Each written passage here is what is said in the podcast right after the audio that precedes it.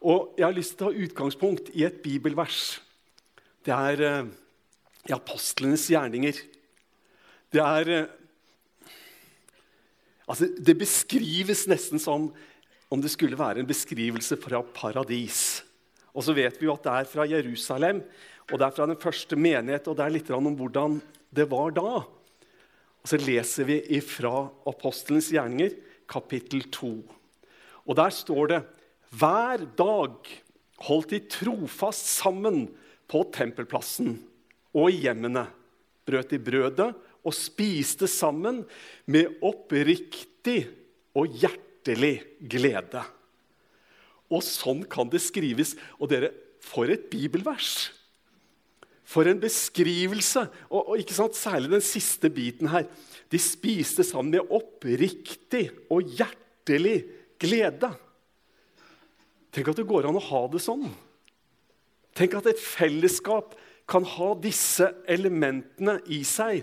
Og jeg føler, jeg føler, at når vi leser her om at de hver dag holdt trofast sammen på tempelplassen og hjemmene så brøt de brødet og spiste sammen, og alt dette, så beskriver det en situasjon der særlig to, men for så vidt alle tre, men særlig to av de tre typer fellesskap som jeg tror er så viktig i en menighetssammenheng. Og, fellesskap som uttrykker på mange måter hva menighet er for noe.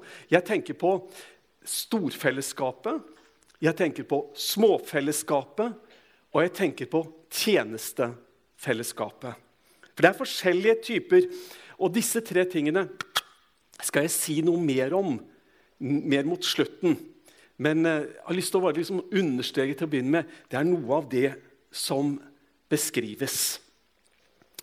Jeg må fortelle dere om en, om en samtale som jeg hadde på fredag et par dager siden. Det var på kontoret her, og jeg hadde spurt om ikke Bengt Bengt, Dere vet hvem han er? Det er han som ser sånn ut. Eh, Bengt Karsten. Om ikke han kunne komme, og så hadde vi lunsj sammen og så fikk vi prate litt sammen. og, og, og sånne ting. Og det å snakke med mennesker Jeg syns det er så spennende. Jeg syns det er så berikende. Og godt er det også på alle måter, som dere ser. Eh, og, og, Bengt han fortalte om noe som jeg tenkte det skal jeg fortelle videre. Det kommer i neste nummer av PT Kontakt også, som kommer om et par-tre uker. Der, der, er det en artikkel med, med Bengt. Og, han fortalte om Han hadde jo alltid vært en ja, han sa han hadde alltid trodd på Gud, men aldri bekjent seg som en troende før for et par år siden. Og Det er jo en, en, et spennende perspektiv, bare det. Men ingen lærte han egentlig om Gud. Ingen, altså Mora sang aftenbønn med han, men utover det så var det ingenting. Men allikevel så Han hadde alltid trodd på Gud. Og Eh, Bengt han forteller om noe som jeg tror er relevant for menighetssammenhenger. Han forteller Dette var i ja, et forbehold, jeg tror det var i 2016. Så opplevde han at tinga var litt sånn trøblete. Det, ikke, det er ikke alltid at livet bare går på skinner for noen av oss.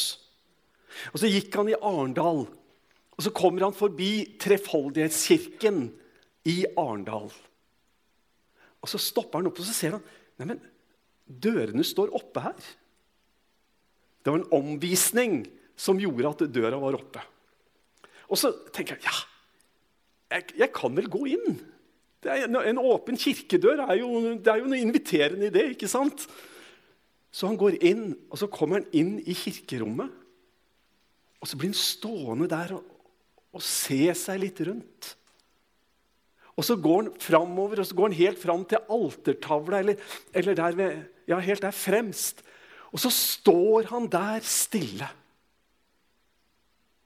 Og så kjenner han Dette kan du lese om som sagt i PT-kontakt. Så kjenner han Nå Nå Nå blir livet mitt forandra. Og han kjenner at han på en måte blir sånn omslutta av Guds kjærlighet og godhet og Guds nærvær. Og så står han der ei stund, Og jeg er ikke sikker på om han ba så veldig mye. Men, men, men han er der.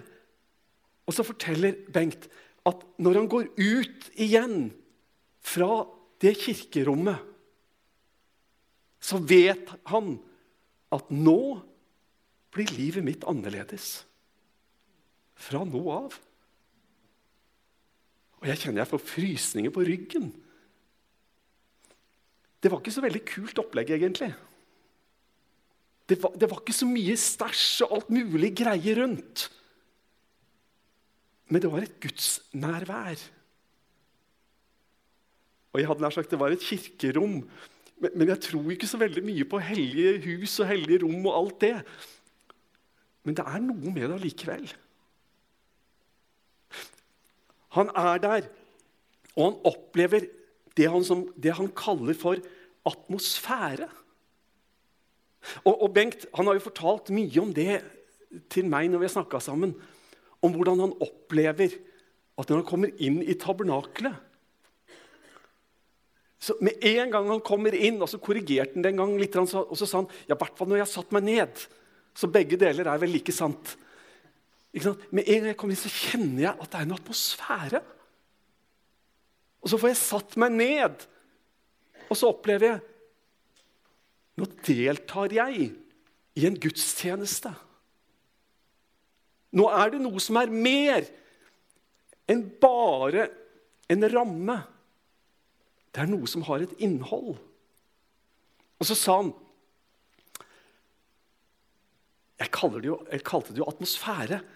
For jeg hadde jo ikke noen formening og ikke noen ja, formening eller forståelse av dette med treenighet. Det, det, var ikke noe som jeg visste noe om. Nå har jeg jo skjønt hva det er for noe. Det er Den hellige ånd. Og så sitter jeg ja, jeg tror du har rett i alt det du sier. Om jeg får lov til å fortelle en historie til Vi hadde jo seniorfest for ei drøy uke siden. Og Einar Nymoen var der. Han er jo pastor i Salem, Sandefjord. Han var der og, og, og delte forskjellige ting, og delte Guds ord også. Og Så satt han på med meg, og så prata vi i bilen, og så fortalte han om en som var inn, satt inn, innsatt i ja, Han var i fengsel. og så hadde han fått permisjon.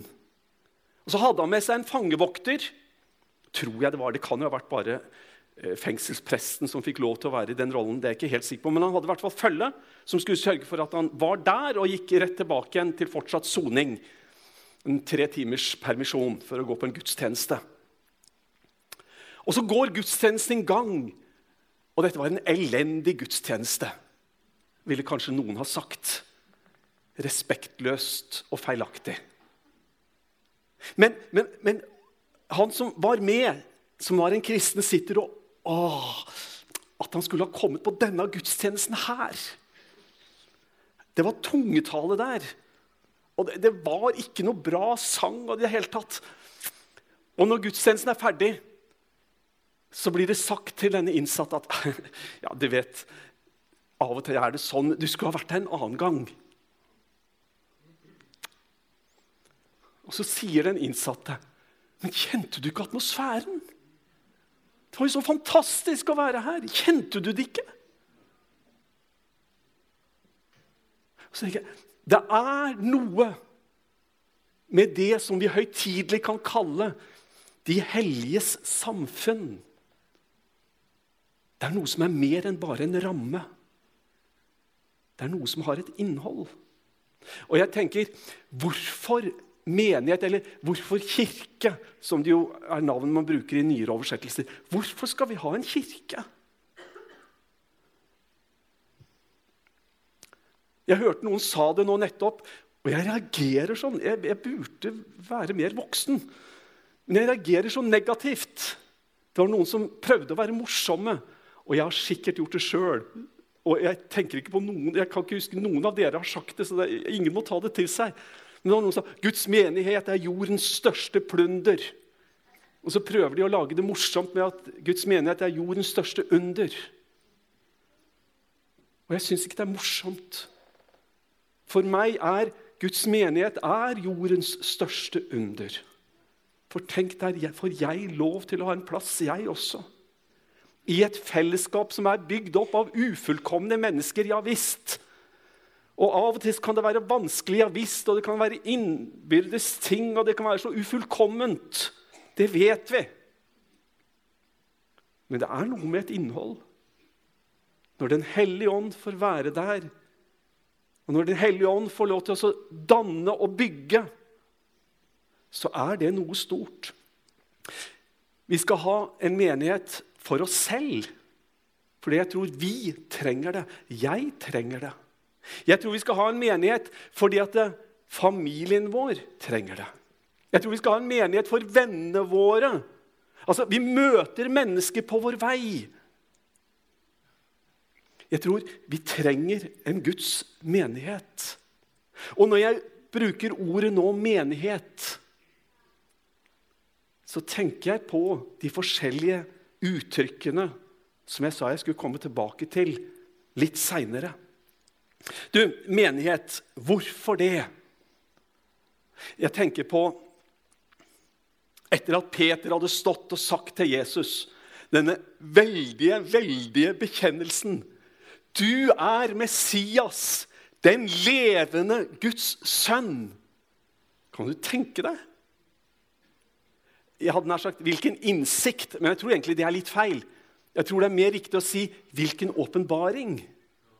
For Jeg tviler vel egentlig på at Peter hadde makta å se dette så klart. Men det er en, et profetisk åpenbaringens lys å se at du er Messias, den levende Guds sønn. Og så sier Jesus, 'Du er Peter, og på denne klippen vil jeg bygge min kirke.' 'Og dødsrikets porter skal ikke få makt over den.' Og det tror jeg på. Og jeg tror naturligvis at det Jesus først og fremst taler om her, det er ikke den lokale menighet, Pinsekirken Tabernakelet Skien. Men det er Guds menighet som er bygd opp over hele jorden. Som bygges opp av mennesker som har tatt imot. Men vi får ta det til oss litt lokalt også. Hvis vi får lov til å tenke på at en menighet ikke er bygd opp av steiner og grus og tre og alt dette. Men denne lokale menighet som er bygd opp av levende steiner Vet du hva, Jeg tror det er sant. Jeg tror Gud er så stor. Jeg tror at Gud er mektig til å bevare oss. Dødsrikets porter skal ikke overvinne oss. Det skal ikke få makt over oss. Og alt er knytta opp til at dette er min kirke. Det er Jesu verk, det er Guds verk. Det er han som har begynt noe. Når Paulus han, i, han skriver brevet til filippenserne og Da, da syns jeg han ser noe for seg som jeg har lyst til å liksom bare minne oss om. Jeg tror han, han, ser noe så fullkomment, noe så vakkert, noe så fint. Han ser jo menigheten, og han skriver det sånn som dette.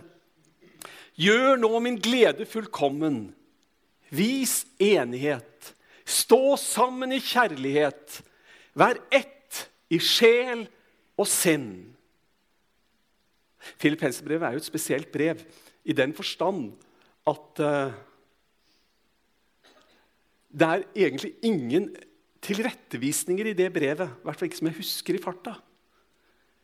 Det eneste som man kan si kanskje er en tilrettevisning, er dette verset her. Gjør nå min glede fullkommen. At det ligger noe, at det ligger noe sånn implisitt i at kanskje så var det en del innbyrdes ting som var litt vanskelig. Men, men, ellers er dette brevet bare fylt av denne kjærligheten som er mellom Paulus og menigheten i filippenserne, filipperne. Og så beskriver han hvordan det skal være i en menighet. Gjør nå min glede fullkommen. Altså, La det nå være sånn blant dere, skriver Paulus. Vis enighet. Stå sammen i kjærlighet. Vær ett i sjel og sinn. Du, dette er ikke en strategi for menighetsvekst. Selv om det er vel også, kanskje. Men det det er, det er en beskrivelse av et fellesskap. Det er beskrivelse av et kjærlighetsfylt fellesskap der man bryr seg om hverandre, der man gledes over hverandre, der man tilhører hverandre på en veldig, veldig rar måte. Du, hvorfor vi trenger en menighet? Jeg tror vi trenger en menighet, og menighetens kollektive oppgave det er å ha gudstjeneste. Det er å tilbe Gud. Vi vet, ikke sant? Du skal elske Herren din Gud av hele ditt hjerte, av hele din sjel og av all din forstand. Sammen å elske og ære Gud. Så vet vi jo at det, det er bare halvparten. Den andre halvparten er jo at vi skal elske vår neste. Og eh, det å elske Gud i en total ensomhet, det er helt sikkert mulig. Men det å praktisere nestekjærlighet og barmhjertighetsgjerninger og, og, bygge vennskap og fellesskap, ikke bare for egen oppbyggelse, men også for andre Det å være noe for sin neste, det krever et fellesskap å være i. Det krever noe. Vi er kalt til å være med å fostre. Til, til, til å fortelle mennesker gode nyheter. Fortelle folk ja, evangeliet som betyr godt nytt. Og jeg tror jeg er helt overbevist om at evangeliet er godt nytt. Det er det beste budskapet som tenkes kan. Og vi skal fortelle folk, og så skal vi være med å spre det ut på den måten. Storfellesskapet det har noen elementer i seg av hellige handlinger. Jeg bare skrev 'dåp'. Altså, det er, det er, noen markeringer som helt sikkert har noe symbolsk i seg, åpenbart. Men som er mer enn bare symbolikk. Som er noen realiteter, som kanskje til og med er dypere enn det vi forstår. Altså, vi får lov til å komme sammen i et fellesskap og være med og utføre ting som Jesus har sagt at vi skal være med å gjøre. Og det skal legges til menigheten i den forstand altså der Man går inn i et fellesskap som man vet man har gått inn i. Man er ikke bare med som gjest, men han er tilslutta det på en måte. Man blir gjenstand for omsorg, og man får gi omsorg. Man blir gjenstand for forbønn, og man får være med og be for andre. Altså, det bygges noe.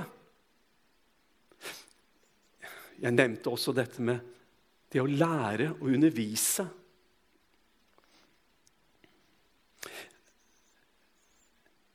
Jeg tror på en menighet hvor man har forskjellige funksjoner.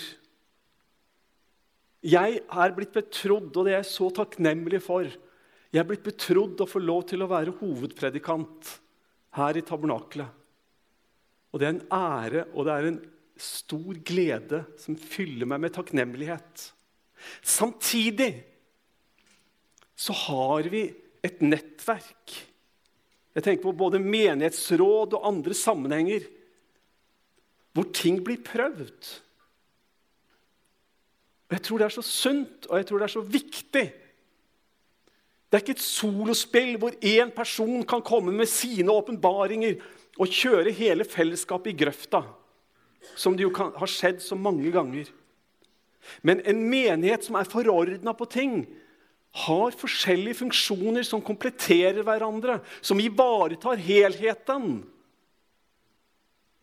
Og Jeg tror ikke vi skal hoppe bukk over det. Jeg tror det er gitt til oss for at vi skal være med å bygge et fellesskap. Du Jeg spurte Bengt. Jeg sa til han noe sånn som det at du, Bengt, du tenker dypere og filosoferer videre enn de fleste som jeg tenker, møter. Men nå har jeg lyst til å stille deg et spørsmål, sa jeg. Bengt, hvis du skal beskrive Gud, hvordan vil du beskrive Gud da? Han svarte. Først og fremst er Gud ren kjærlighet. Komplett og fullstendig kjærlighet. Alt annet blir på en måte mindre sentralt. Gud er kjærlighet. Når vi møter kjærlighet, om det er den fullkomne gudskjærlighet eller den begrensede kjærligheten som vi kan gi til hverandre, så merker jeg alltid at det gjør noe med meg. Kjærligheten er det viktigste. Når vi ber om at vi skal bli mer lik Gud, så tror jeg at vi ber om at vi skal bli mer fylt av kjærlighet og istandsatt til å reflektere det klarere og klarere, sa Bengt. Altså Gud er kjærlighet. Og når vi lærer Han å kjenne, så istandsettes vi. Og når vi møter kjærlighet, akkurat sånn som Bengt sa Om det er den fullkomne, guddommelige kjærligheten, eller, det, eller om det er den mer begrensa, den ufullkomne kjærlighet og godhet som vi kan gi til hverandre, så merker vi at det gjør noe med oss. Selvfølgelig gjør det det. Jeg bare merker, Når noen, når, når noen sier noen gode ord til meg, så klart det betyr noe. Og når jeg får si noe godt til noen andre, så ser jeg jo og jeg vet jo at det er klart det betyr noe. Kjærligheten er kraftfull. Og når vi møter Gud, så møter vi den guddommelige kjærligheten. Og vi trenger et fellesskap for disse tingene. Altså, Jeg har sagt at menighet for oss selv, for vår familie og for våre venner Altså, Jeg har lyst til å legge til en setning. Jeg har lyst til å si for å motta Guds kjærlighet og gi den videre. Du, om ikke vi opplever at et menighetsfellesskap er med på å åpenbare kjærligheten for oss. Om ikke vi opplever løftet av godhet, renhet, kjærlighet Sjenerøsitet, alt dette som ligger i kjærligheten, da må vi ta det på alvor. Det er ikke bra. Det er en veldig alvorlig diagnose. Det er, det er nærmest en karikatur av hva menighet er for noe. Menigheten, storfellesskapet, småfellesskapet, tjenestefellesskapet. Altså storfellesskapet der vi får motta og gi kjærlighet, der vi får oppleve Den hellige ånds nærvær, der vi kan sette oss ned og bare på en måte ta inn. Det var så flott når Himmelvendt sang, og det var så lett å være med og synge. Men så tenkte jeg lite grann ah, Nå spanderer jeg litt på meg selv. Nå lar jeg være å synge på tvers. Det var så nydelig å være med og synge. Nå vil jeg bare sitte og lytte litt. Og så kjente jeg på en måte hvordan de betjente meg. Og jeg fikk sitte der og kjenne jo, den hellige ånd virker gjennom ord og toner og sang. Så jeg, nå bidrar ikke jeg noen ting. Nå synger jeg ingenting. Nå sitter jeg bare her og lar meg betjene. Jeg syns det er stort. Jeg synes det er, en, det er en gave som Gud gir til oss. Menigheten bygges opp. Jeg kunne fortsatt ikke med storfellesskap, men småfellesskapet, da, der vi får komme sammen, der vi får samtale sammen. Det er ikke en plass for de lange monologene. Det er ikke en plass for terapi og alt det. Men der vi får komme sammen og likevel dele liv. Lytte til hverandre, være med og be for hverandre. Der vi kan ta en telefon en dag etterpå og spørre hvordan går det med den saken du nevnte. Altså, Man bygger noe. Jeg husker ei dame sa til meg en gang Oddbjørg. Eh, hun sa Og hun har gått gjennom en del tunge Tunge pass i livet sitt. Og sa han, men jeg har lært at alt som har en verdi, det koster noe. Jeg tror det er sant. Veldig sant. Og det, og det å investere i et småfellesskap det kan godt være at det koster litt. Men, men ting som er verdifulle, det er, det er ofte at det koster litt. Jeg tenker på tjenestefellesskapet. Tjenestefellesskapet er jo det fellesskapet der det er noe man brenner for sammen. Et tjenestefellesskap er ikke først og fremst at du blir tvunget inn i en oppgave som du egentlig ikke vil, og som du ikke har tid til, og som du ikke har glede av, og som du skulle ønske noen andre kunne ta. Men et tjenestefellesskap er at du kommer sammen og du opplever ja, her er det noen andre som brenner for det samme som meg. Og vi blir et fellesskap, og vi gjør noe sammen. Og det er viktig for oss. Og Menigheten bygges opp av dette. Og disse tre uttrykkene eh, om som vi ser i storfellesskap, småfellesskap og tjenestefellesskap, det er ting som vi som menighet som vi skal legge vekt på og tenke på. Og legge til rette for og prioritere. Dere, menigheten for oss selv, for vår familie og for våre venner. For å motta Guds kjærlighet og gi den videre. Så tror jeg at hvis jeg nå bare for et øyeblikk bytter ut de tre punktene der for oss selv, for vår familie og for våre venner, og setter inn småfellesskap, storfellesskap, småfellesskap og tjenestefellesskap, så er det på en måte den arenaen hvor vi får lov til å motta og gi videre av den kjærlighet som Gud møter oss med. Det har forskjellige uttrykk, forskjellige sammenhenger, forskjellige rammer. Men innholdet er på mange måter det samme. Det er Gud som vi får lov til å møte, som vi får lov til å reflektere. Jeg har sagt at menighetens oppgave er å tilbe Gud, elske vår neste, fostre døpe, lære. Alle disse tingene. Og i dette så får vi lov til å se at det, det finner sin plass. Og det finner sitt uttrykk i disse forskjellige sammenhengene. Og jeg tror at det er veldig viktig, den beslutninga vi har tatt, at vi vil legge mer til rette, ikke bare for storfellesskapet, men å skape denne balansen i storfellesskap, småfellesskap, tjenestefellesskap. For Guds kjærlighet må vi oppleve mer og mer, og den må reflekteres ut i våre liv hver eneste dag og i forskjellige sammenhenger. I Jesu navn. Amen.